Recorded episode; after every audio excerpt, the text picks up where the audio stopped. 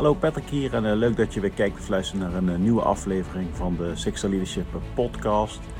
Ik zit lekker voor het hout, want de winter komt eraan, de herfst komt eraan, dus we gaan het weer af en toe lekker opzoken in huis. Aflevering nummer 43 is met Eduard van Brakel. Mooi gesprek geworden, iets meer dan een uur.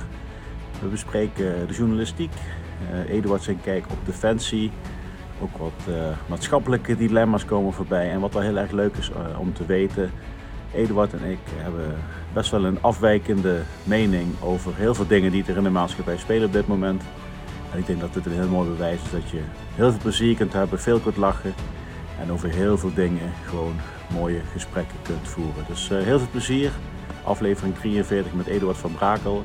Druk even op die subscribe button. Ja, meld je even aan op Spotify, YouTube of Apple Podcast. Zo ontvang je altijd een notification als er een nieuwe aflevering online komt. Daar zijn we heel erg blij mee. We zijn op weg naar de 500ste subscriber op YouTube. En uh, misschien ben jij dat wel. Nou, tot zover. Veel plezier met het gesprek met uh, Eduard van Brakel. Ja, goed, tot tot Ja, dat was een van de vragen. Dus die... Zullen we hem gewoon aftrappen? Ja, we trappen nog af. we trappen er gewoon af. Ja, ik zeg altijd welkom in, uh, bij de Six Leadership podcast.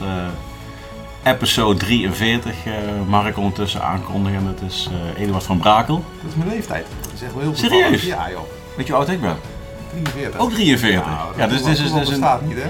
een echte 43e uitzending dit. En, uh, nou, leuk dat je weer kijkt of luistert op uh, YouTube, Spotify of Apple Podcasts uiteraard. En uh, nou, geef eens een reactie wat je ervan vindt, wat je leuk vindt, of je vragen hebt. En uiteraard subscribe op dit kanaal. Dat is ook altijd heel belangrijk, want dan ontvang je een leuke notification als er een nieuwe video online komt. Ja, top. Helemaal top, hè? Ik zeg doen. Ja, ik zeg doen. Nou, we gaan de 43ste uh, uitzending in. We hebben ook een lekkere uh, Lico Quarante Tres uh, op tafel staan. ja, precies. Een doorzichtige zie. Ja, nee, het is een beetje te vroeg. Maar hey, Eduard, welkom. Dankjewel. Wij zijn ongeveer zeven maanden lang met elkaar aan pingen geweest. Ja. Er is een hoop gebeurd afgelopen jaar. En daardoor hebben we af en toe wat uitgesteld. Een keertje van jouw kant, een keertje van mijn kant. Maar alles wat goed is, dat komt uiteindelijk. Wat in het vat zit, verzuurt niet, zeg Dat bedoel ik, ja. En datgene wat wel verzuurt, dat is prima, moet je lekker links laten liggen. Precies, al die zure mensen, die heb je niks aan. Al die zure mensen, ja. Hey Eduard, stel je eens eh, kort voor waarom jij dan geen, uh, geen zure mens bent. Ik, ben, ik vind dat je zoveel mogelijk overal over moet lachen, ook als het Ja, slecht ja, gaat. En ik bedoel, bij dat, dus daarom ben ik geen zuur mens. Heel veel mensen denken overigens bij Defensie dat ik dat wel ben. Ja.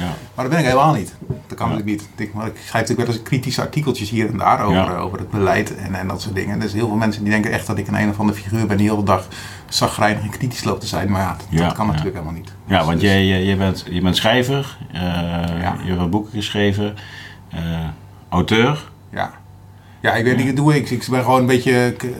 Mijn, mijn, mijn specialiteit is online communicatie. Eh, dus websites beheren, bouwen, zorgen dat daar bezoek op komt en goede boodschappen naar buiten brengen.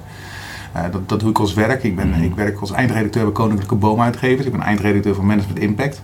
Wij geven dus managementboeken uit en coachingsboeken. Dat valt onder het management coachingsfonds. En eh, dat, dat is mijn echte werk. En dat heb ik ooit, nou ben ik daar toevallig, ben ik, ben ik daar, ik wil alles, dat toeval bestaat niet, maar ik ben wel toevallig ingerold in, eh, in, het, in de schrijverij en in de journalistiek. Ja, wanneer, wanneer is dat schrijven dan bij jou boven komen eigenlijk, eigenlijk al vroeger al, want ik schreef altijd al. Ik schreef al voor de schoolkrant dingetjes en, en eh, toen ik in een bandje zat, schreef ik de songteksten van, van het bandje. En, maar ik had ooit mijn VWO had ik gehaald en toen eh, ik wilde eigenlijk eh, naar, naar, de, naar de KMA of naar de of naar het KIM. Dat, dat had ik bedacht, maar dat mocht niet van mijn vader, want ik moest iets nuttigs gaan studeren. Dat was eh, recht op bestuurskunde, vond hij. Dus wij woonden vlakbij Den Haag en ik heb de kaart van Nederland eens gepakt. En ik heb gekeken waar dat het verste weg was van Den Haag waar ik dat kon studeren. Dat was Enschede, dus toen ben ik daar gaan wonen. Ja. En ondertussen verhuisden mijn ouders vanaf Den Haag naar de polder. Maar ik heb dus niet Maar die gestudeerd. kwamen jou achterna dan? Ja, nou ja, die gingen sowieso al weg. En dus ik Mhm. vond het allemaal niet... nou goed, maar ik zat daar te studeren. Of nou ja, niet te studeren. Ik zat heel veel in de kroeg en in de koffieshop. En dat Mhm. laatste, dat was niet zo heel eh, verstandig eigenlijk. En ik had best wel een sportverleden op zich ook. En eh, het ging eigenlijk een beetje de verkeerde kant op bij mij. Dat realiseerde ik me op tijd. En dan ben ik gestopt met al die, al die shit. En toen heb ik me... Toen had ik, ik had, ik had niet zoveel geld meer ook trouwens. Dus eh, toen heb ik me ingeschreven voor de, voor de KMA. Toen kon ik kreeg fietsen langs een banenwinkel. Ik denk, dat ga ik, ga ik doen. Mm. Dus ik heb me ingeschreven buiten de laatste drugs die ik had in de prullenbak geflikkerd. En toen ben ik naar huis gegaan. En toen belde het uitzendbureau. Maar het was echt voor jou, eh, maar je, had, je zei voor het gesprek al dat je wat, echt altijd wel die wens gehad om iets bij Defensie te gaan doen. Hè? altijd. Ja. Ik weet niet waar dat vandaan is gekomen. Ja. Dat heb ik altijd gehad. Ik tekende altijd soldaatjes en eh, ik heb altijd Altijd, altijd iets gehad. Ik weet niet, ik weet niet, ik weet niet, ik weet niet waar dat vandaan komt. En voor was altijd keuze tussen de landmacht, om naar de landmacht te gaan. Of ik wilde, of ik wilde heel graag om, naar de marine op een, op een, op een mijne, mijnenjager of op een onderzeeboot. En dat lijkt me, lijkt me nog steeds tof om daarop te zitten. Maar dat was de keuze. En de landmacht, uh, Huzaren van Boreel hadden voor mij echt een hele magische klank. En uh, dat leek me wel mooi. Dat ben ik overigens niet, niet gaan doen uiteindelijk. Maar, ja. maar goed, ik ben toen, de, toen de eerste journalistiek ingerold, want het uitzendbureau belde. Die zegt, wil je bij de krant werken? Ik zeg, bij de krant? Hoezo? Zoeken naar mensen. Ik zei, nou, dat is leuk. Dus ik had een brief geschreven. Toen was ik de enige die een foutloze brief had geschreven. Dus ik werd aangenomen. Ja. dat was echt heel bizar. Dus toen werkte ik opeens bij de krant. Ja. En toen ben ik daarna naar de KMA gegaan. Na, na acht maanden bij de krant gewerkt en toen naar de KMA gegaan. Toen was ik, eh, werd, werd ik aangenomen in alle selectieprocedures. Ja. En waarom is dat uiteindelijk uh, geen langere militaire carrière geworden dan? Ik ging, fysiek ging het niet lekker. Ik, ik, uh, ik had last van mijn knie.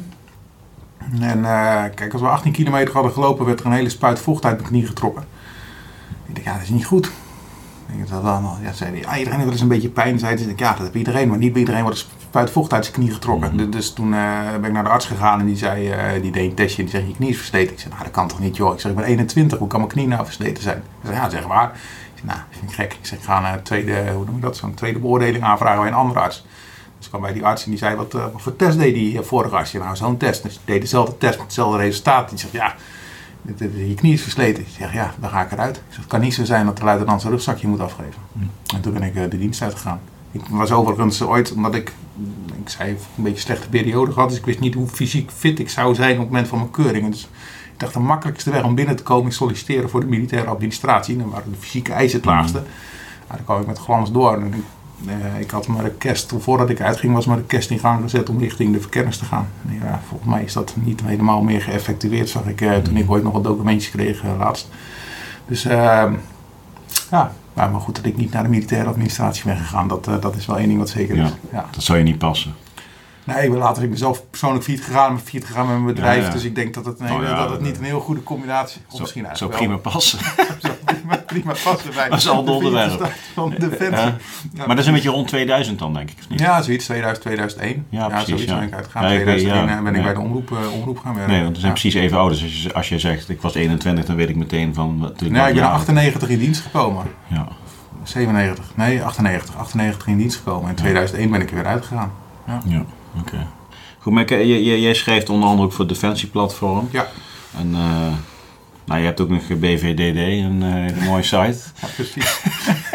ik zet de linkjes allemaal voor de mensen die kijken luisteren. Ik zet alle linkjes in de podcastbeschrijving. Um, nou goed, ik zie je natuurlijk ook regelmatig voorbij komen op, op social en uh, de artikelen die je schrijft. Ik, uh, ik vind het altijd, uh, het, het, geeft enerzijds ook diepgang, maar soms zit er ook een mooi luchtig laagje overheen.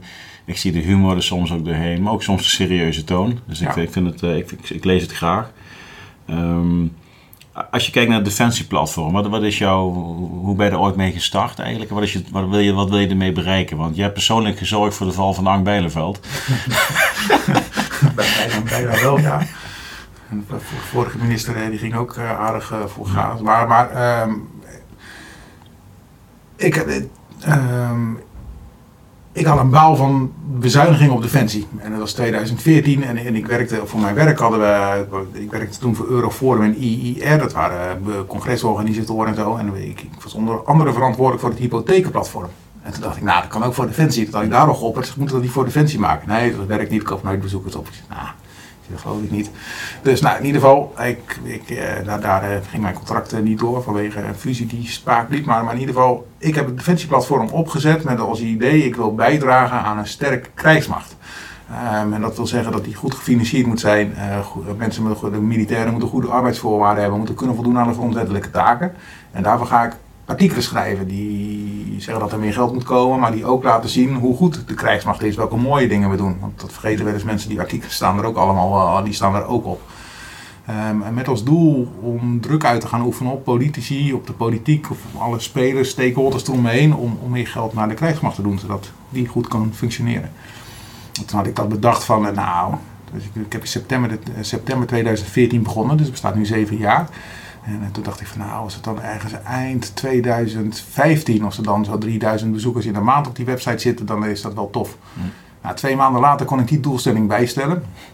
En er zit nu als een hele goede maand, er zitten 100.000 bezoekers per maand, maar er zit meestal 30, 40.000 bezoekers per maand ongeveer uh, globaal op. Voor de afgelopen maand weer 70.000 en dat, dat, dat is een beetje de aantallen die, uh, van, van de lezers. En dat is zonder marketingbudget in je vrije tijd is dat best oké, okay, ja. zeg maar. Ja. En wat is de ambitie ermee? Uh, de ambitie blijft om bij te dragen om, om, om continue druk te houden op de politici mm -hmm. om de krijgsmacht goed te financieren dat, dat is het enige doel. En, en dat de militairen eindelijk eens een keer fatsoenlijke arbeidsvoorwaarden krijgen. Die mhm. concurrerend zijn met, uh, met, met de arbeidsvoorwaarden in het bedrijfsleven. En dat die 9000 vacatures een beetje op worden gelost. En dat, dat, is, dat is het doel.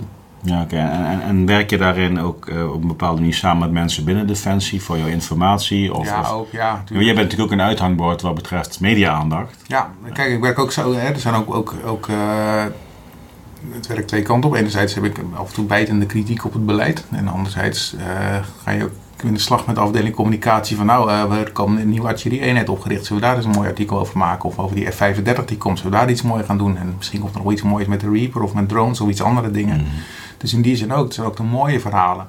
En daarvoor zoek ik ook wel eens veteranen op of oud-militairen die, die gewoon vol passie vertellen over hoe goed Defensie is en hoe goed ze het hebben gehad en hoeveel ze daar geleerd hebben. En, en dat is... Uh, nou, dat, zo werkt het uh, alle, allerlei kanten op eigenlijk. Ja. ja. En zijn ze daar actief in of, of moet je er echt zelf uh, op uit? Uh, ja, ja, goed, ik, actief, ja, het is de ervaring is, kijk, die, vaak uit mensen wie, wie kritisch zijn, of eigenlijk gewoon dat schrijven waar ze zelf achter staan. Dat, dat die niet altijd in dank worden afgenomen op het moment dat je daar te veel over schrijft. Dat er ook een nee. selectie komt van de mensen waar ze graag mee sparren. Ja, ja aan de ene kant spart ook ik ben op zich best, best een aardige kerel meestal. Dus, dus meestal sparren ze wel met me. Nou, nee, maar het is ook een kwestie van bellen. Ik zeg, joh, ik, dan bel ik gewoon op. Of dan stuur ik een e-mail naar de mensen die ik ken. Ik, zeg, ik wil weer eens een tof verhaal maken. En dan zeg ik, oh, we hebben wel wat. En dan maak je gewoon een tof verhaal. Moet je ook gewoon zeggen. En dat, dat, dat, wel. Maar eh, ja, je hebt ook wel eens kritiek. En dan heb ik de, de voorlichter van, van, eh, van de, de minister letterlijk aan de telefoon. Of de adjudant die mij, van, de, van de minister die mij gelopen mm e-mailen. Dat er allemaal weer gereed voor klopt van wat ik heb geschreven. -hmm.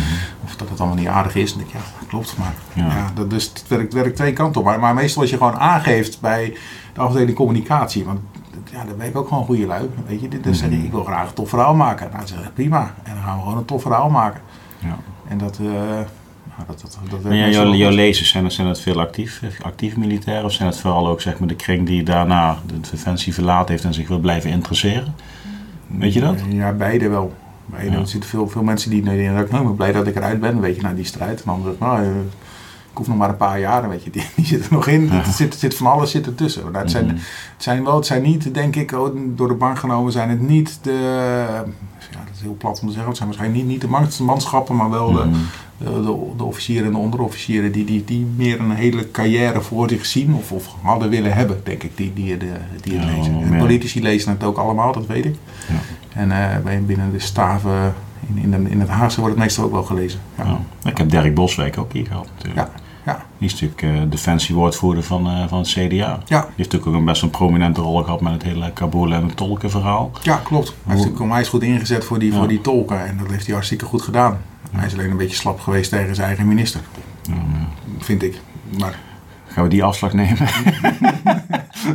nee, ja, maar, ja, ja, nee, maar dat is wel, dat snap ik ook wel. Hè, met die partijpolitiek. Hetzelfde Bel Hai, die dit deed, dit deed weer heel streng tegen, tegen Bijleveld en ook niet tegen Kaag, die daar ook aardappelstekens heeft laten vallen. Dus wat dat betreft. Uh, uh, maar Boswijk, die zegt natuurlijk prima in voor, uh, voor de militairen en voor, uh, ook zeker voor die tolken en voor de mensen die daar zijn achtergebleven. Maar wat, wat zou er gebeuren met, met de Kamer op het moment dat iedereen echt gaat stemmen waar hij zelf achter staat? Dat wordt, een aard, wordt een verschuiving, of niet? Dan wordt het denk ik een aardverschuiving. Ja, ja.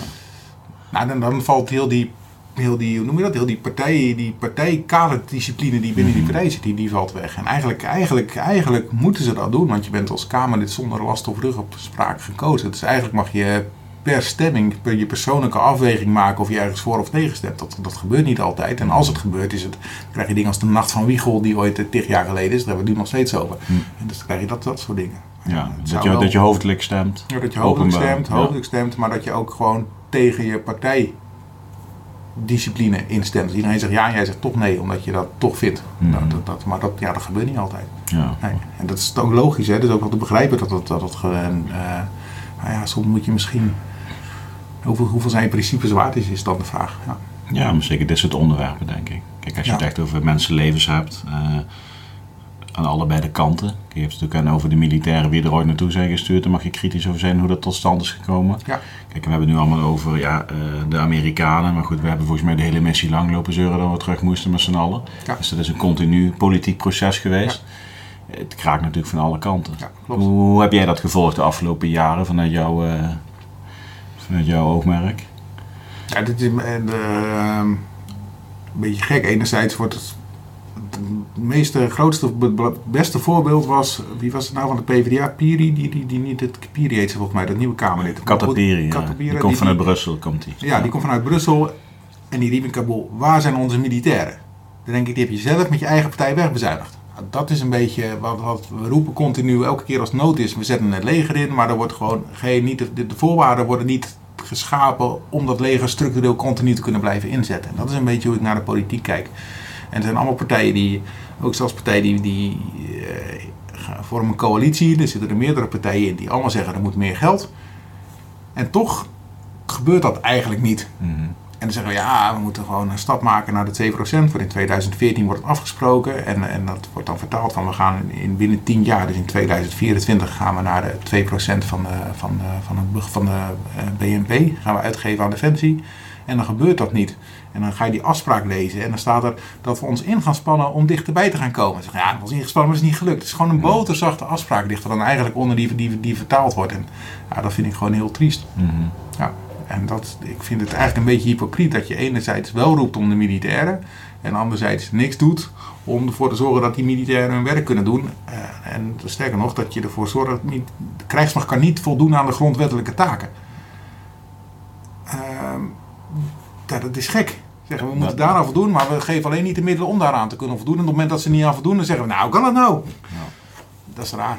Maar, maar wie, is, wie is dan uiteindelijk verantwoordelijk? Als, en dat is denk ik een beetje... Ik heb, ik heb bij, eh, bij de Wijk een eh Boek zijn in de Week podcast. Die hebben er een heel lang stuk over gesproken. Van ja, het probleem is dat eigenlijk niemand verantwoordelijk is dat die taak niet uitgevoerd kan worden. Ja. Dus, dus eh, ja, we roepen, we moeten, maar eh, we hebben ook nog andere keuzes en het volgende kabinet die zal het dan wel weer oppakken. Dus Nou ja, dat, dat is, wordt niet doorgepakt. En dat is eigenlijk voor, eh, wat ik dan Ja. een beetje Beideveld vooral verwijt. Van die, die roept al veel. Eigenlijk al sinds er aantreden. Er moet meer bij. Minstens 4 miljard. Of nou, dat 4 miljard, dat getal Mhm. is van de laatste tijd. Maar dat gebeurt dan niet. En dat, dat, dat, is, dat is het probleem. En dan wordt er niet echt doorgepakt. En die commandanten ook, die... die ik vind ook dat, daar, dat toch ook eh, de militaire commandanten en de militaire top zichzelf daarvoor toch wel een beetje mag aanrekenen. Dat zij dat niet harder hebben uitgesproken, dat je niet meer aan de taken kan voldoen. Dat komt in één keer ergens zomaar uit de lucht vallen van, oh, we kunnen eigenlijk niet meer aan de taken voldoen. Dat is niet van vandaag op gisteren. Dat je zegt, gisteren kon het wel, vandaag niet meer. Dat is helemaal langzaam gekomen. En dan gaan ze nu hun mond open trekken en dan denken, ja, waar was je dan toen je overste was of kolonel? Wat, wat heb je toen gedaan? Of heb, je, dat, heb je toen niks gedaan? En waarom zei die generaal die er toen zat, waarom zei die dat niet? Dat vind, Ja. ik, dat vind ik. Dus het is de, dat, maakt het ook gek. Je hebt, enerzijds heb je die politici die moeten financieren, maar die maken allerlei afspraken in het regeerakkoord.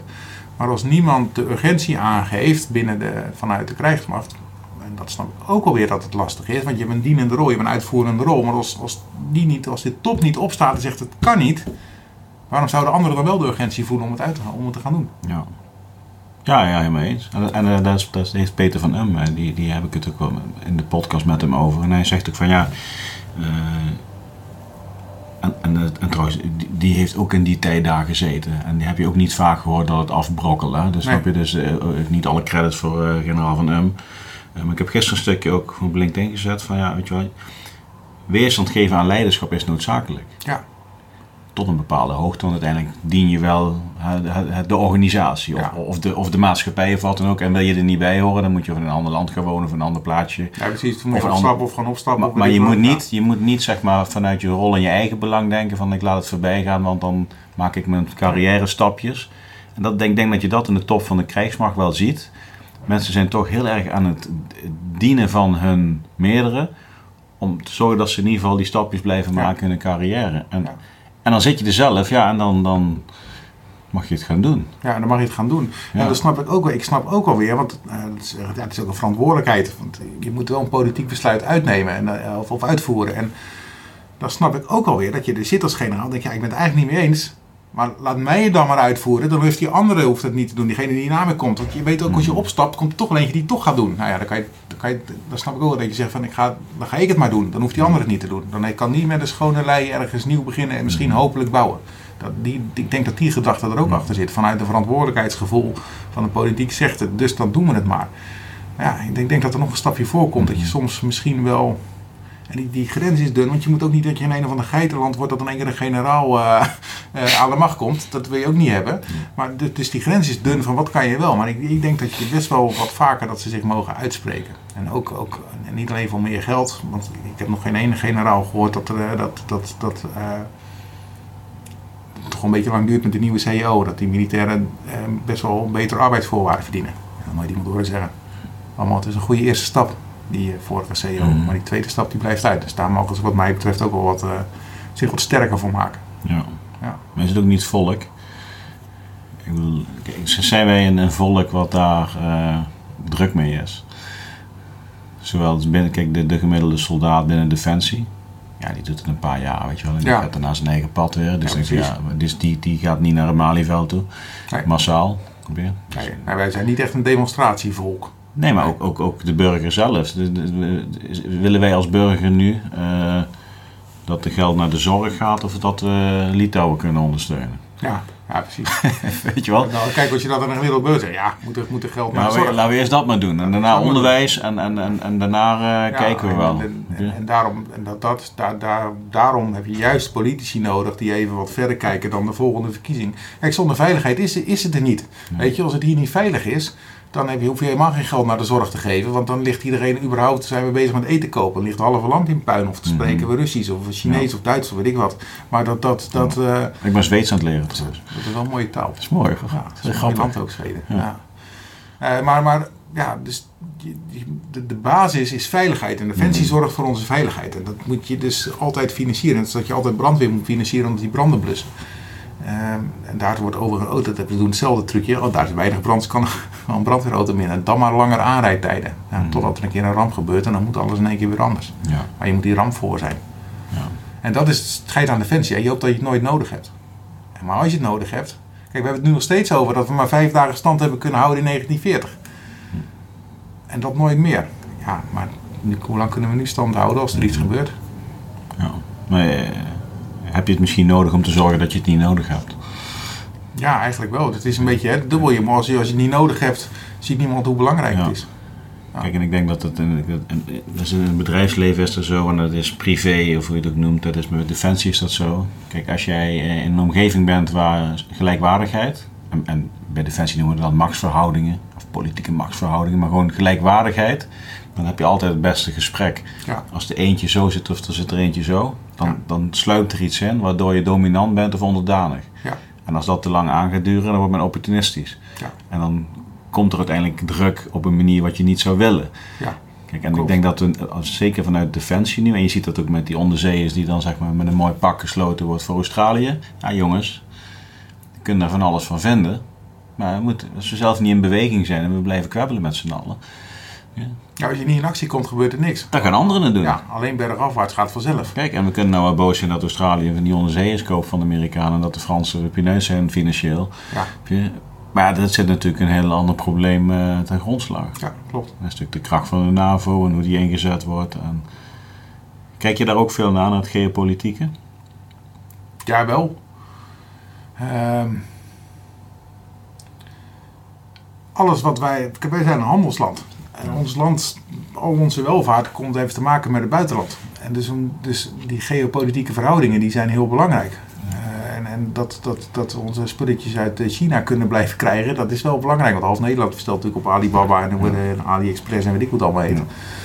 Uh, maar, maar ja, dus op het moment dat Amerika, die, die gaat veel meer naar, die, naar, naar Azië toe. Dat is veel belangrijker dan Europa.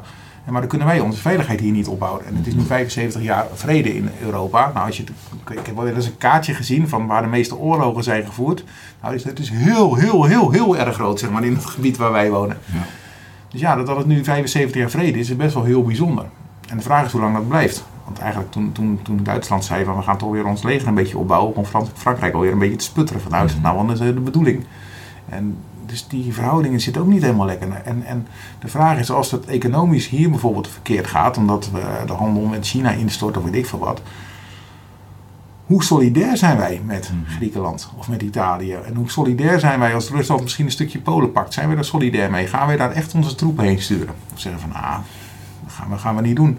En hoe solidair zijn die anderen dan met ons als er wat gebeurt? En dat is de vraag. Dus ik vind eigenlijk gewoon dat je altijd, ongeacht wat er is, moet je zelf qua veiligheid in eerste instantie zelf je broek kunnen ophouden. En daar vanuit dat, vanuit die situatie, waar we het zelf op orde, en vanuit daar kunnen we onze bondgenoten ondersteunen. Ja. Maar beseffen wij ons voldoende, eh, ook, ook in de politiek op dit moment, eh, ik denk dat zij dat wel beseffen, alleen dat die politieke kaart lastig te spelen is, dat een stabiel Griekenland of een stabiel Italië of een rustig Spanje, dat was 30, 40 jaar terug niet vanzelfsprekend, Nee. dat dat ook zorgt voor een rustig Europa en dus een welvarend Nederland. Ja, nou, zo is het. Ja, en ja, dit, of dat allemaal eh, zo, zo doordringt. Ja, bij die politici denk ik wel. Maar bij de, bij de achterban van de politici eh, weet, je, weet je niet, niet altijd of dat echt zo doordringt. En je weet niet hoe die politici daarmee stelling nemen. Ja, maar de korte termijnkaart is natuurlijk niet bezig zijn met Griekenland. Nee, de korte termijnkaart is nu eh, salarissen voor de zorg. En Ja. eh, zorgen dat die premie niet te veel stijgt. En zorgen dat de energiekosten dat we die kunnen betalen. En dat er woningen zijn voor iedereen. En, dit, en dat is ook allemaal logisch, want iedereen wil ook een woning. Iedereen die zit muur en muur vast. Ja. Mensen kunnen niet scheiden en mensen kunnen niet trouwen omdat ze geen huis kunnen krijgen. Hm. Nou, dat is een beetje gek. Moeten ze naar Zweden toe. Zweden, ruimte zat. Het is wat, Ja, wij houden huizen. Mooi land. Denemarken ook wel mooi. Er wel ben je er wel eens eh, Ik ben eens geweest Zweden geweest in eh, Ja. Denemarken en Noorwegen. Ja. lekker rondreizen? Of? Was ja, voor werk, nee, of? nee, voor vakantie. Ja, Vakantie, vakantie, en hebben we WK schaatsen in Oslo voor die Ja. allemaal eigenlijk en dat soort, dat soort dingen. Ben je schaatsfan?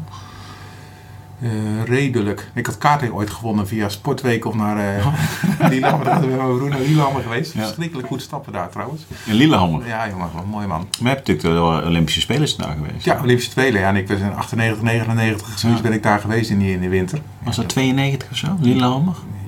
Eh, ja, zoiets ja, een 92. tijdje terug, Oh, ja. en Ole- Johan Olaf Kostie daar eh, Ja, drie keer ja, goud. ja, eh, ja. won. Ja, dan- ja, dat is al lang geleden. Dus in die zin, ik ben wel een algemene, sportfan. Ik heb, ik, heb, eh, ik heb ook jaren bij Omroep Flevoland gewerkt. En dan ben ik nog eindredacteur, interim eindredacteur van de Mhm. sportredactie en zo geweest. En verslaggever op pad en, en, en dat soort dingen. Ja. Dat is mooi werk, lijkt me. Een mooi werk, ja. Ja. Mooi werk, ja. Een keer, eh ja, van die leuke dingen kan je dan een keertje in de auto van eh rallyrijder Chris eh Vlaar een stukje meegereden. Ja. Ja, jongen, daar sta je doodsangst uit als je een figuur mee, mee rijdt. Bocht, bocht, bocht, bocht, bocht. Maar goed, maar goed, dat is wel... eh, Ja. Op het circuit of gewoon een openbare weg? Het was eh, bij de rally, eh, god, hoe heet die nou? Ja, IJsselmeer Rally, Zuiderzee Rally. Ja, ja, ja. En dat was in Emmeloord op een industrieterrein, dus, dus gewoon op de openbare weg. Nou, dit, dus, dus er er gewoon zo'n zo'n gebouw staat er ergens en dan hebben ze een haakse bocht. Ja, zeg maar tegen de tijd dat ik nog een keertje, dat ik echt wel geremd had, schakelt hij gewoon nog rustig nog een keertje bij. En dan ga je zo een dwars de bocht door. Ja. En dan heeft hij nog rustig aangedaan. Want dan gaat het natuurlijk niet een verslaggever in zijn auto zijn auto in, in puin rijden. Dus dat is echt, was echt heel, eh, zo'n Nissan Ja. Micra. Denk je dat is helemaal een niks. Maar, maar als je daarin zit, dat is echt... Ja, dat- was, dat was een beetje de, de Mini Cooper eh, van die jaren, denk ik. Brede bandjes eronder. brede bandjes eronder. Ah, ja, dat is echt bizar. Dan hoor je echt zo... Wow. En dan denk je, nou, er komt echt een monstertruc aan. Dan komt er een Nissan Micra aan. Ja. Ja. Dus, maar goed, dat soort dingen, dat is wel, eh, wel leuk. Ja. Ben je ook met veel in het klimaat bezig in relatie tot, eh, tot defensie en maatschappelijke dingen? Ja, ik ben sowieso, ik ben wel, ik, ben, ik vind eigenlijk dat je, als, je, als ik een politiek partijprogramma zou schrijven, dan zou ik zeg maar een milieuparagraaf van GroenLinks pakken en een defensieparagraaf van de SGP, zeg maar. En dat zou ik bij elkaar gooien. Dus ik ben wel, eh, ik, vind, ik vind wel dat we wat moeten gaan doen aan het milieu. En dan Mhm. ook, en, maar ook met de gevolgen daarvan. En dan kom je toch weer, uh, Middendorp, die houdt zich daar ook heel erg Ja. mee bezig, kom je toch weer bij, bij Defensie.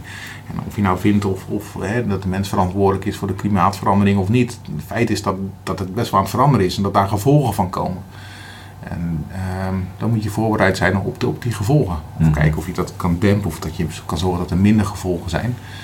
Ehm, maar dat heeft ook, eh, waarschijnlijk gaat het ook zorgen voor economische verschuivingen, voor, eh, voor verschuivingen met, met meer migratiestromen die de andere kant op gaan. En misschien gaat het ook wel betekenen als het hier warmer wordt, dat het invloed heeft op onze landbouw. Nou ja, de, de zeespiegelstijging, dat, dat soort zaken. Dus ja, dat heeft wel, gaat wel wat impact hebben. Ja, over, tien jaar kunnen we hier niet meer zitten hoor. ja of wel. Ofwel is het de derde verdieping. Ja, ja, palmboompjes buiten, dat De is hier aan het strand. Ja. ja. Ja, het is, maar goed, dat moet je dus voor zorgen dat dat niet gebeurt. Dat, dat- en ja, dat kost ook geld. Moet je dijken verhogen of stranden verbreden of, of weet ik Mhm. veel wat. En kijken van wat, je, wat, gaat, wat gaat dat nou betekenen. En ik heb daar niet, ik heb daar niet veel verstand van. Alleen, ik, ik, ben, ik, geloof, ik, nou, ik vind dat bijna alle wetenschappers aan de bel trekken. denk van, nou, daar, moeten we wat mee. En Mhm. ik, ik volg wel Middendorp daarin. Die, dan ook zegt van, er gaat ook een rol in voor Defensie eh, spelen. Voor de krijgsmacht. Die gaat waarschijnlijk vaker ingezet worden. Misschien of bij rampen of bij eh, conflicten die staan in regio's die getroffen worden door, eh, Mhm. Door, door de klimaatverandering. Dan denk ik, nou ja, reden te meer eh, ook voor GroenLinks bijvoorbeeld. Om te zeggen, er moet even een beetje bijplussen bij de krijgsmacht. Ja. Spelen ze die kaart, denk je? Nee, die spelen ze niet. Doen Maar dat, dat dat denk ik niet. Dat is Nee. te vroeg. Of die, die vinden dat anderen dat maar moeten doen. Of die, die, die zetten misschien wel meer in op, eh, op, eh, op NGO's die, die, die ingezet moeten kunnen worden. Maar goed, dan denk ik, die moet ook veilig hun werk kunnen doen. En dan weer.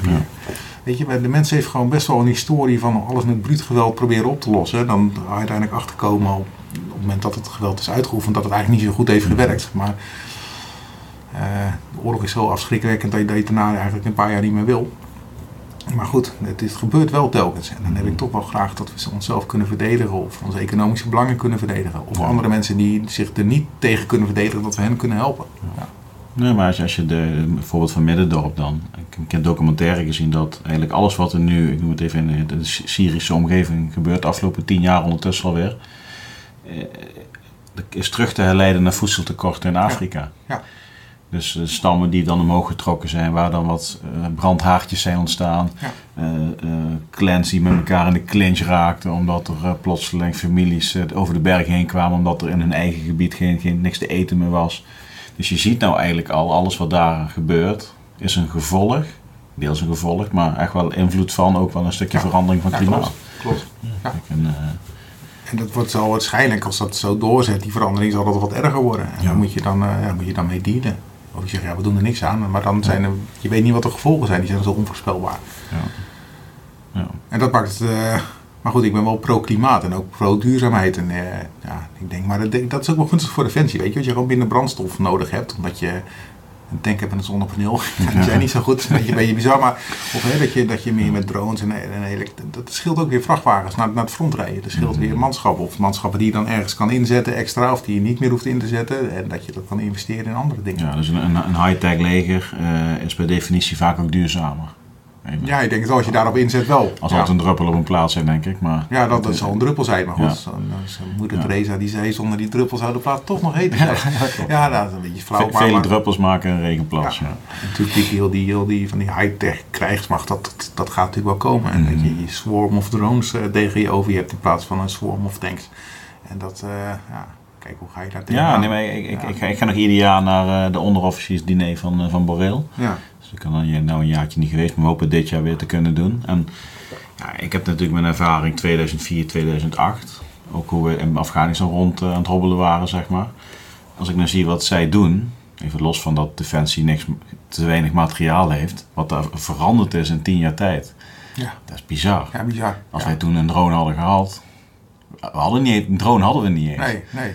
En nu heb je zulke droontjes met een cameraatje die eh, Ja, als een wesp ja. gewoon vliegen. Die, die zie je bijna niet. Dus die Ja. hang je boven een kwala, een huis, een dorp en dan kun je even je verkenning en dan kun je kijken of je naar binnen kunt gaan. Ja, wij Ja. gingen naar binnen en we keken als er geschoten werd, dan wisten we dat er iemand zat. Ja, precies. Dus in een paar jaar tijd is dat gigantisch vooruit Ja, gegaan. klopt. En dat, dat, eh, dat biedt heel veel kansen, heel veel mogelijkheden. eh, en ook, ook weer bedreigingen extra natuurlijk. Ja, Ja. vice versa natuurlijk. Ja, alle- ja, ja. Want, want de vijand heeft ze ook.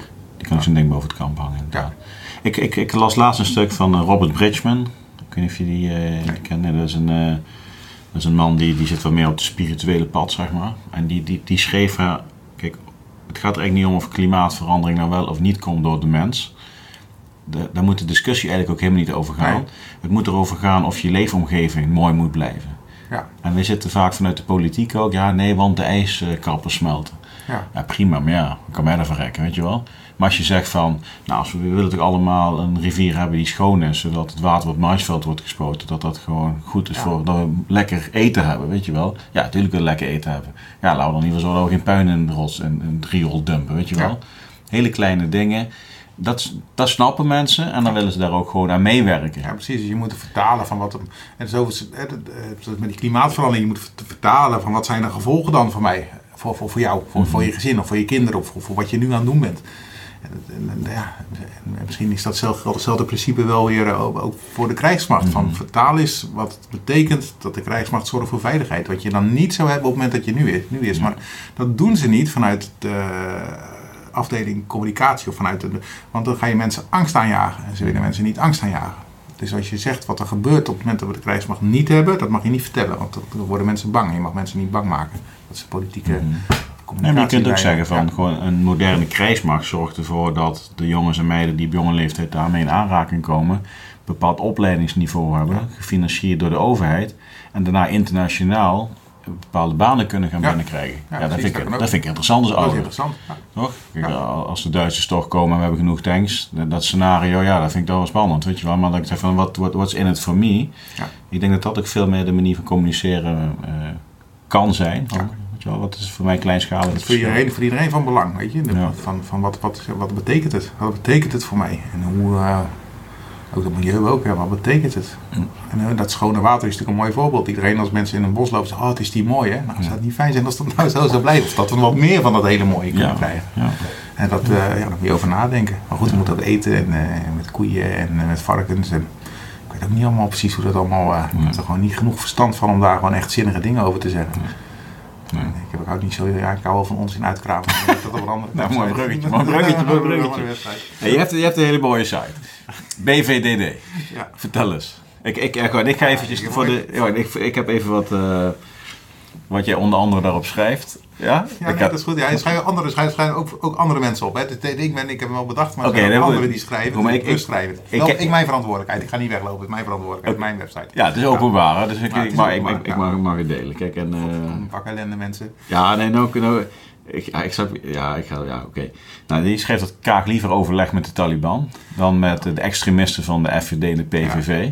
Ja, goed, dat is natuurlijk wel een gewaagde kop. Ehm, nou, en je vindt het ook bizar dat de Joden het, eh, ja, het leed van corona erger vinden dan de Holocaust, bij wijze van spreken. Dat is ja. ook wel een, eh, ja, wel een uitspraak, zeg maar. Ja, dat, Baudet- ja, vindt het erg dat het Joden... Ja, dat, ja precies. Ja. Ja, Ja. oh ja, Baudet, ja. En, Ja, eh, oh ja, Baudet vindt het, vindt Ja, het bizar, dat ja. inderdaad, niet de Ja. Joden zelf. Ja, en de shoppende vrouwen, dat Defensie op zoek is naar 30% shoppende vrouwen. Die is wel een beetje viral gegaan. af. Ja, die was wel leuk, ja. Want, want we hebben materiaaltekort, dus als we nou die vrouwen gewoon binnen kunnen krijgen, dan hebben we ook meteen een materiaalprobleem opgelost. Ja, precies. Want vrouwen Wat- heel, heel goed in geld uitgeven als dat er eigenlijk niet is. Nou goed, kijk, het is, het is, het is eh, eh, Ik probeer, wat, wat ik daarmee wat we proberen, is om altijd een soort maatschappelijk probleem aan te kaarten en daar met een knipoog naar te kijken. En, en, eh, dat, en, en soms is het ook gewoon hele slechte grappen maken, dat, dat ook. Ehm, en, en dat vind ik veel leuk om te doen. We hebben het, ik heb het eerder gedaan en, Ja. en een, tijdje, een tijdje niet gedaan, maar het begon toch weer te, de website, toen heb ik het toch weer opnieuw online Ja. gegooid. En dat loopt nog iets minder goed dan, dan voorheen. Maar het, het is bizar wat. Ik heb ooit, dat, is- dat is mijn, mijn hoogtepunt. Ik heb ooit een bericht verzonnen dat je depressief werd van katten. Of een, en dan had ik een wetenschapster bij opgevoerd, Bernadette Berg, die vond dat een heel verhaal eromheen, Ja, ja, ja. waarom je depressief van werd. Maar dat is natuurlijk niet waar. Dat bericht is 2 miljoen keer gelezen toen. ja. En er zijn 40.000 reacties op Facebook geweest, waarvan 30.000 mensen dat geloven. Stapels doodsbedreigingen aan die, eh, aan die eh, wetenschapster in de e-mail.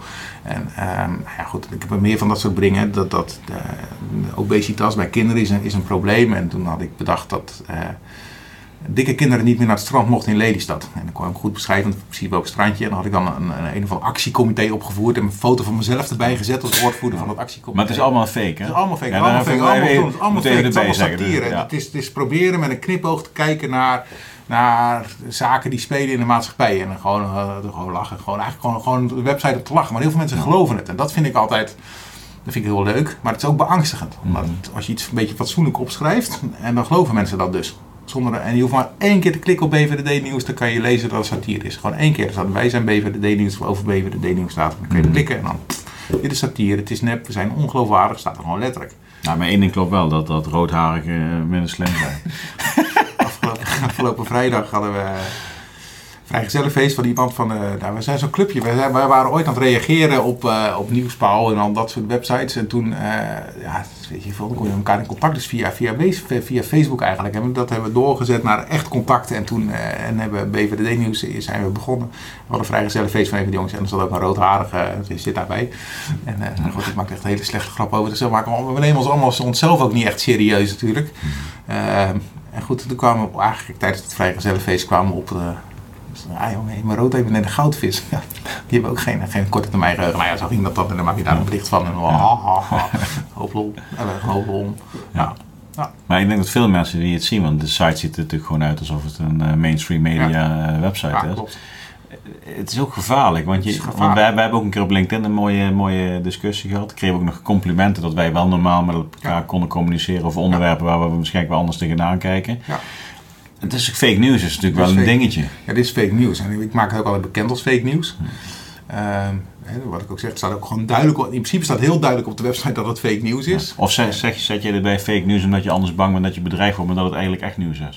ja, nee, Ja, maar zo ver gaat het, hè? Zo, zo bij gaat Ja. het. Kijk, en wij doen het dan voor een grapje. Maar het, ehm, het is natuurlijk nee, dat is dat nieuwe domein ook, ook bij de krijgsmacht, het information manoeuvre. Hoe ga je om met informatie? En, ehm, wij doen het voor een grapje. Maar als jij een beetje een mogendheid bent. Ik weet zeker dat ik, als ik de middelen krijg, en, en, eh, en eh, dan kan ik heel goed fake nieuws gaan maken. Waarbij ik gewoon de maatschappij en de politiek kan gaan ontwrichten. Dat weet ik zeker dat ik kan. En daar hoef ik niet eens heel veel moeite voor te doen. Ehm, dus als je kwaadwillend bent, dan kun je daar heel veel mee. Want je kunt heel veel mensen heel makkelijk beïnvloeden. Hmm. Wat ik zei, als ik gewoon iets opschrijf en iets verzin en dan gaat het dan over, over katten. En 2 miljoen mensen lezen het. En 30.000 mensen zijn, nemen de moeite om een reactie te geven waarin ze aangeven dat, het gelooft, dat ze het geloven. Die een reactie geven. Ja, 30.000, 40.000 reacties. Moet je voorstellen, ja, Ja. Dus, de- dus er zijn ook een hoop die het geloven, maar geen reactie geven. Ja, ja. En, dus, eh, en dat, dat, dat zegt, dan gaat het over katten, weet je, of, wel- of over slecht. slecht. Ook, ook nu, wat je al las over die vrouwen, waarvan, eh, dat, dat, hè, dan heb ik generaal Eigelsheim opgevoerd, die dan zogenaamd heeft gezegd dat, dat, dat eh, het goed is dat er vrouwen komen, omdat die ook spullen kunnen kopen als er geen geld is. Dat heeft hij natuurlijk niet gezegd, hè, voor de duidelijkheid. dat heb ik verzonnen.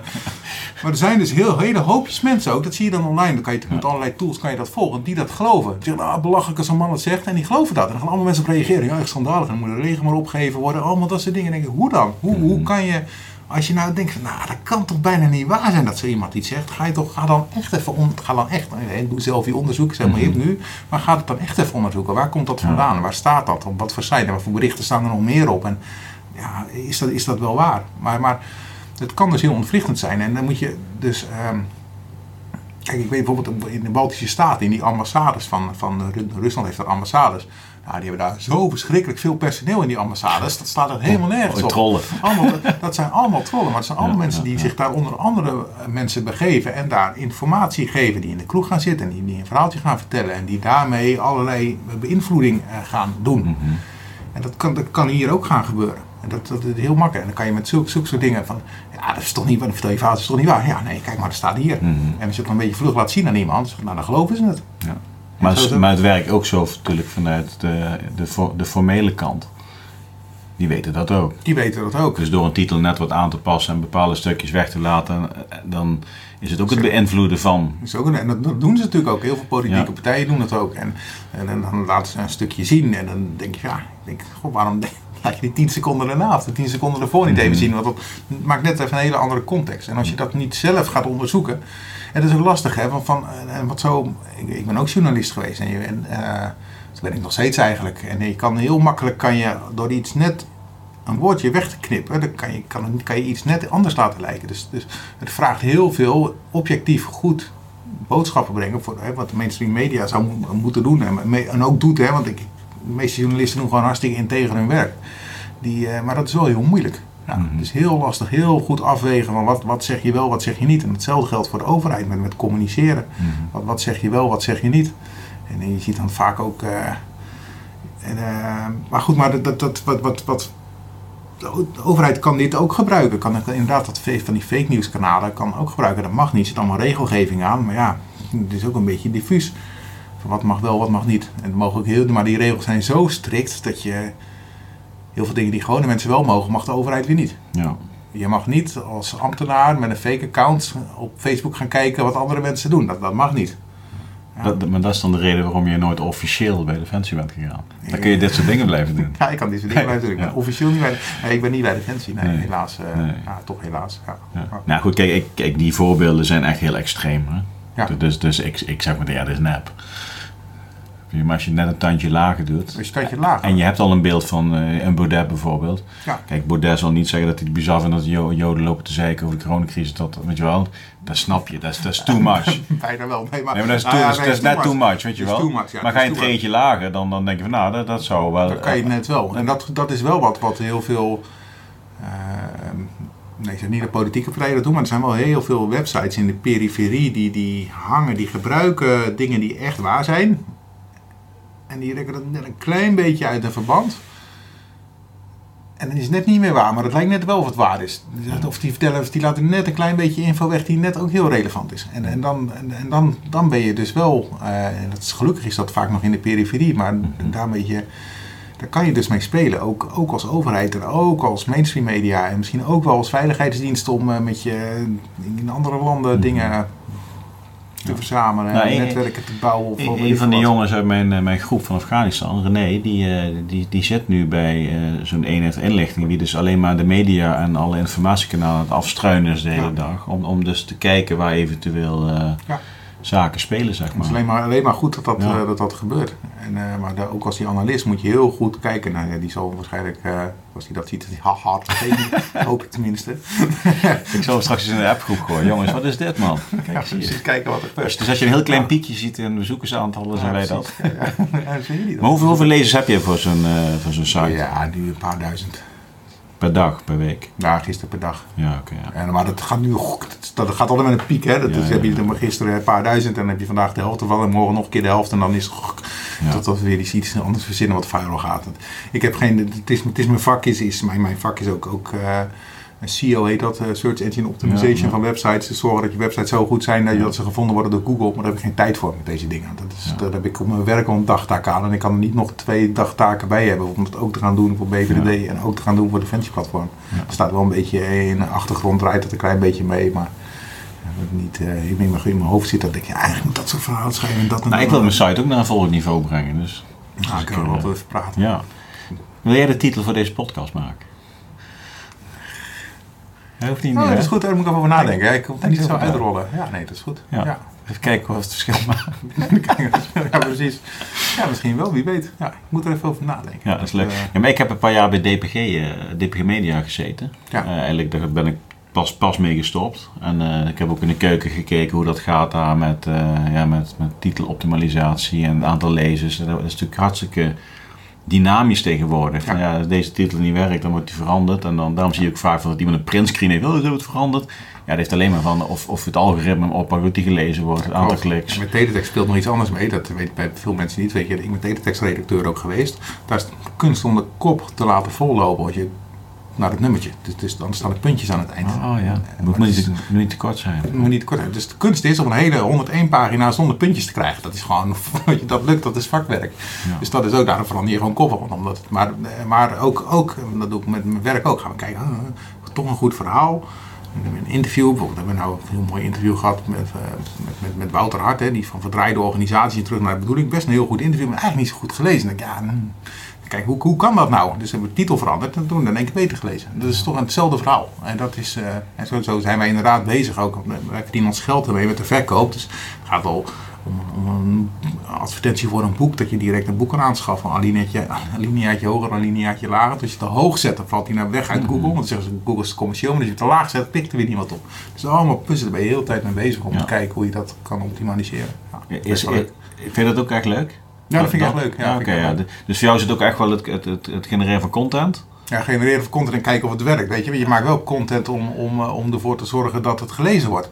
En daar heb ik gisteren nog een post over gemaakt. Dat ik, en eh, ik, heb, ik heb een heel echt een uitgebreid artikel gemaakt over ook niet alleen een grappig artikel over dat vrouwenstandpunt, maar ook een inhoudelijk artikel gemaakt van, van, eh, over van Egelsheim.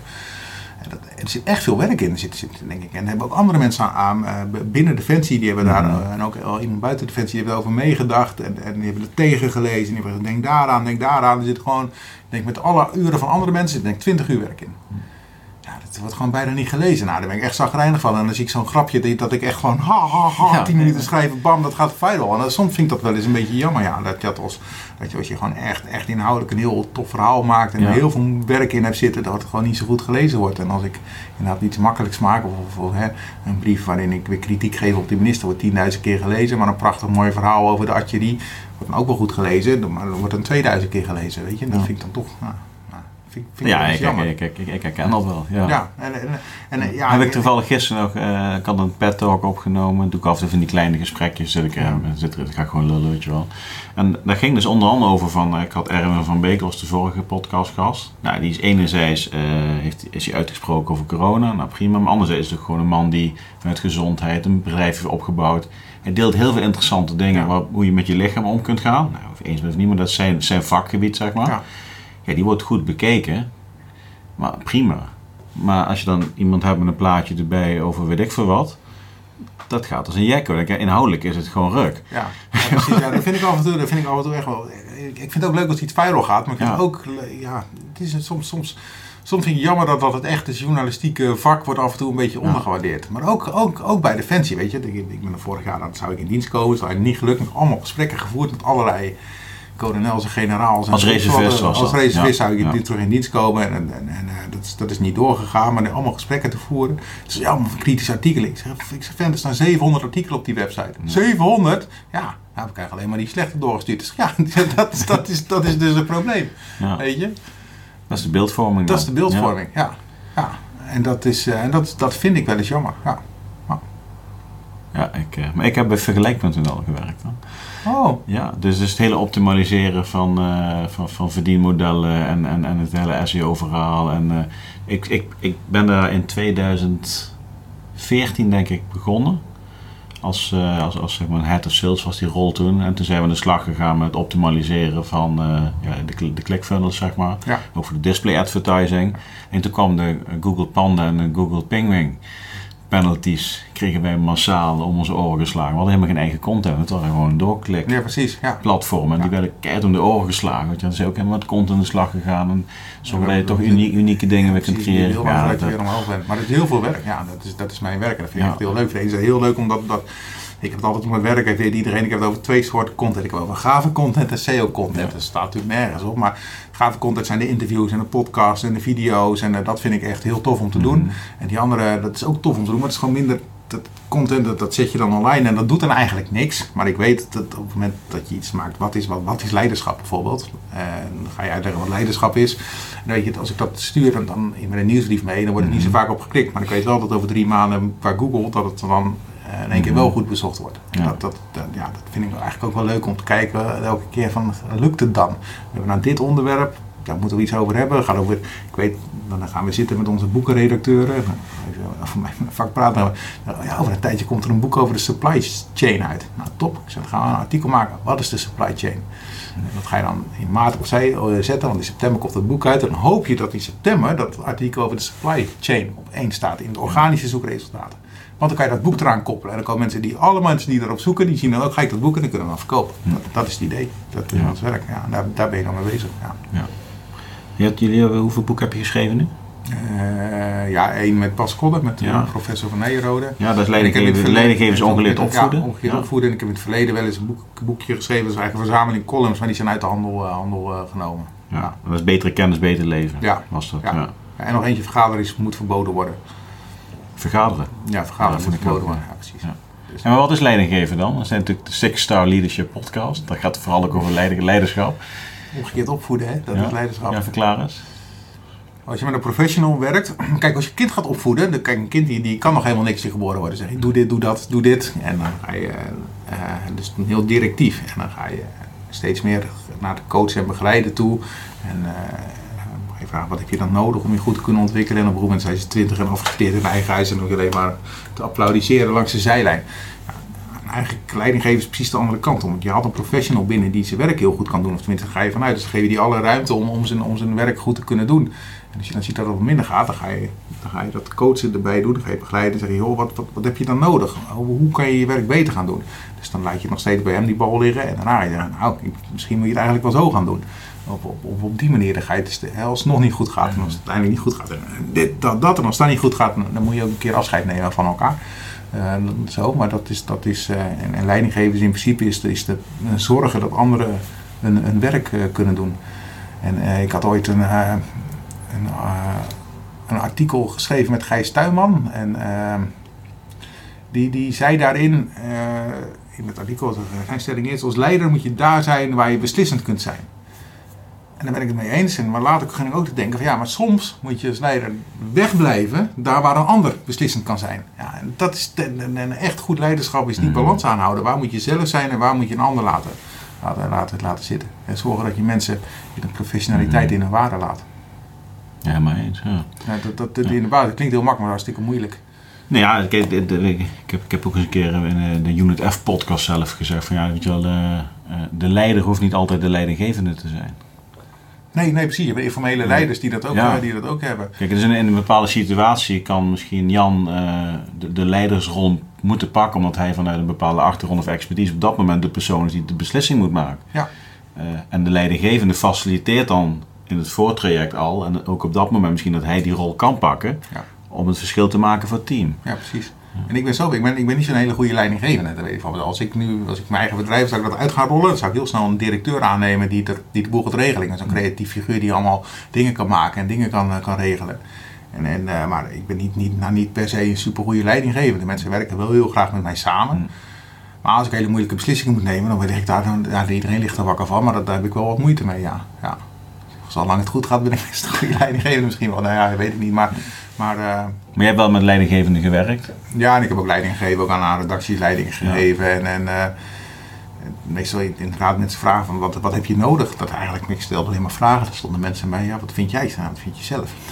en dan maar ze daarin dan wel steunen, weet je. Als je iemand een besluit laat nemen, als je, dan moet je zelf ook achter, de, achter dat besluit gaan staan. Dan moet je ze wel dekken bij de besluiten. Dan moet je er wel zorgen dat, dat je een soort muur eromheen bouwt. Dat je mensen beschermt in, een, eh, in, in degene wat, ze- wat Ja. ze doen. Dus dat, dat keuzes maken, ook al zijn ze fout, alleen omdat iemand de ruimte gaat om die keuzes te maken, Ja. eh, moet je er altijd samen voor staan. Jij moet altijd samen voor staan. Dus dan Ja. moet je mensen misschien ook wel... De, alles vertellen is niet leuk. Dus je moet wel kijken wat er fout kan gaan. En dan moet je naar wat, wat is nou het ergste wat kan gebeuren. Nou ja, als er niemand doodgaat, dan kan je iemand best wel een fout laten maken. Dus als iemand doodgaat door je fout, dan, dan moet je het maar dus niet doen. Maar in, Dat is onomkeerbaar, zeg dus maar. dat is onomkeerbaar. En er zijn vakgebieden waarbij je eh, geen fouten meer kan maken. Als je, hè, want jij zegt, we gingen een huis binnen in Afghanistan. Ik, ik ben nooit een huis binnen gegaan. Mhm. In, maar eh, dan kan je geen fouten maken op dat moment. Want dan vallen de doden, of de verkeerde doden. Ja. En ehm, eh, iemand in een operatiekamer, die, daar kan je ook niet een fout maken op de spoedeisende Dan moet het gewoon in één keer goed. En dat kan alleen maar in één keer goed gaan als je heel veel hebt geoefend.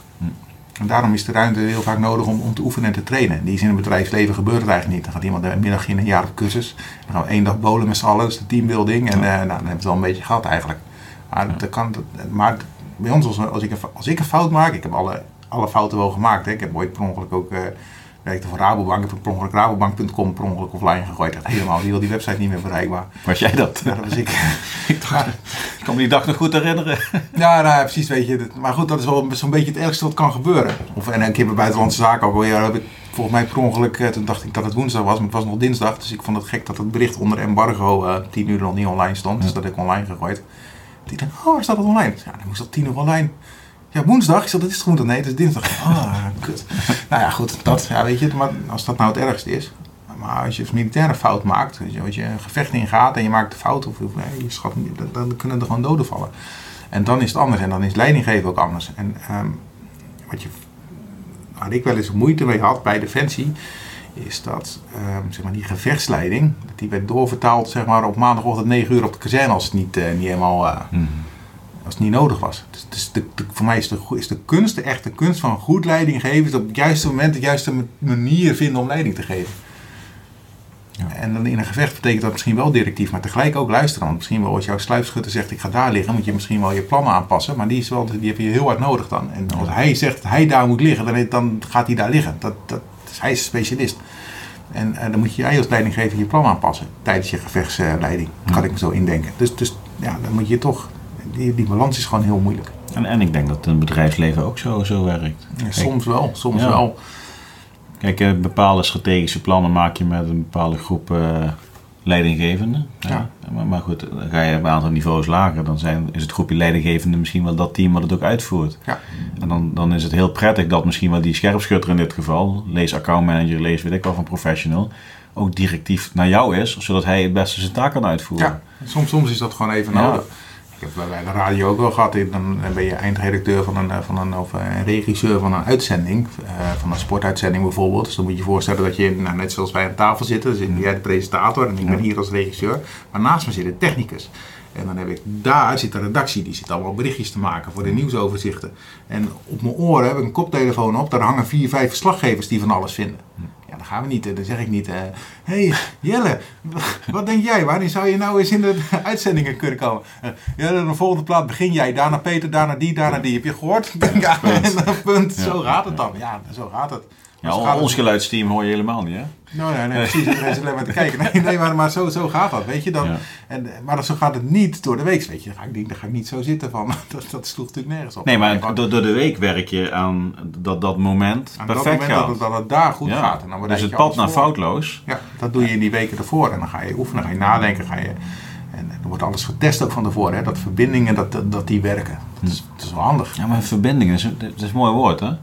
Maar je hebt het over de apparatuur nu. Nou, het is ook tussen mensen. Maar ook die mensen inderdaad, de verbinding tussen de groep. Wij gingen, wij gingen heel vaak gingen wij na zo'n uitzending gingen eten of gingen we Chinees halen. Want vaak moest er nog na de radio-uitzending moest ook nog een televisieuitzending gemaakt worden met diezelfde mensen. Dus dan gingen we gewoon eten met z'n allen. Dat was hartstikke leuk en gezellig. Ja, Chinees weet ik veel wat. Maar vaak Chinees inderdaad. Dat was dichtbij. Ja. Pizza, nou ja, dat soort dingen. Maar dan maak je gewoon met z'n allen maak je gewoon een stof uitzending. En dat zag je ook toen wij heel veel plezier hadden ook met z'n allen. We hebben heel veel plezier gemaakt. We hadden hele hoge, hele hoge luistercijfers hadden toen. En dat, uh, dat, dat is ook wel iets, en, en, dat is ook wat ook bij Defensie, wat je mee veel mensen meeneemt. Het plezier wat vaak gemaakt wordt tijdens die oefeningen en ook tijdens uitzendingen, denk ik. En de band die je daarmee opbouwt, dat is wel heel mooi. En daar zou bij, en ik, ik, ben, ik ben ook de auteur van de column, column Fuck geluk, ga gewoon eens aan het werk. Want ik af en toe word ik een beetje overtrokken. Maar plezier in je werk, plezier met je collega's is wel heel, heel belangrijk. Nou, en dat, dat, ja, dat, dat is wel, sinds ik bij Defensie weg ben, en dan ben ik wel heel lang weg bij Defensie. Maar dan heb ik nog steeds, dan kom ik ergens en zeg, we hebben hier zo'n leuk team. En dan kijk ik en denk ik, welk team? Ik zie helemaal mensen achter de computer zitten. Ik zie niet een team. Ik zie een verzameling mensen die toevallig samenwerken. Maar het is, het is geen team. En bij Defensie heb je dat wel. En heb je lol met z'n allen. En je gaat voor elkaar door het vuur. Maar je accepteert ook elkaar slechte punten. Je weet gewoon uh, nou, dat, dat iemand, dat, ja, weet ik veel, dat die, iemand die slaapt op de wacht. Nee, ja, dat is heel slecht. Maar, maar ja. je weet gewoon dat iemand sterke punt, dat is iemand zijn zwakke punt. En daar ga je op inspelen. En dat, dat accepteer je dan van elkaar, omdat je weet van dit is dan zijn zwakke punt. Maar straks moet dat gebeuren en daar zit iemand zijn sterke punt. En dat kan je dan gebruiken. Ja. En zo, ja, zo ga je met elkaar om.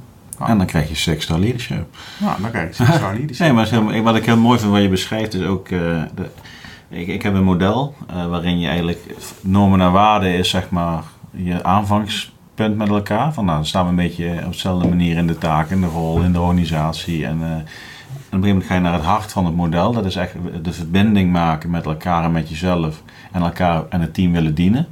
Want dan komt het ook terug. En, en dan ga je naar het operationele dak, noem ik dat. En dan ga je het echt over de taken hebben. Wat, we, wat we heel veel doen. We rammen er een dag maar dit is onze normen en waarden. Taken. Ja, maar wat betekent die normen en waarden voor die taken? Dat is ook wel belangrijk. Ja, dus de, dan, kijk, maar voordat je dus die verbinding legt uh, met de, de apparatuur is één, maar met de collega's onderling en jullie ook nog eens een keer de verbinding met je luisteraars. Ja. Nou, die drie eenheid zorgt ervoor dat je heel goed bent in je vak. Ja.